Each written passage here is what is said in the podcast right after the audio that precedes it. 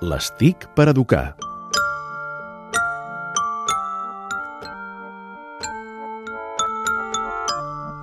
I a l'Estic per Educar parlem sempre de tecnologia de la mà de l'Albert Murillo, el presentador de Generació Digital. Avui ens portes una aplicació que la vull jo, que és per mirar el cel amb els nens. Sí, eh, de veritat que és fantàstic aquesta aplicació. Eh, en aquests moments eh, tenim astronautes eh, que són a l'espai dins de l'Estació Espacial Internacional. A mi m'agrada molt, el segueixo, miro la feina que fan. Eh, Carai, Sí, carai. sí, sí, és, és, sempre m'ha interessat de petit. I aquesta estació espacial es pot veure a simple vista amb l'ajuda d'una aplicació que es diu ISS Detector.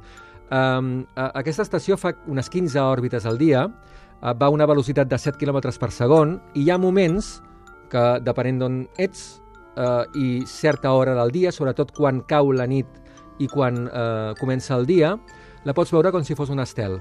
Aquesta aplicació el que t'ajuda és, et diu, escolta'm, que d'aquí 20 minuts passarà l'estació per dalt de casa teva, uh, tu vas al balcó, uh, et, et guia, et diu mira cap allà, mires cap amunt i és el segon, és a dir, et diu 3, 4, uh, 4 3, 2, 1 i comences a veure una petita, un petit estel que veus que no és un avió perquè no té flash i que es va movent.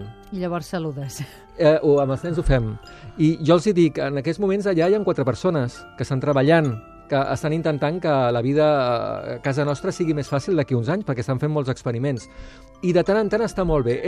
L'aplicació eh, es diu ISS Detector, és gratuïta.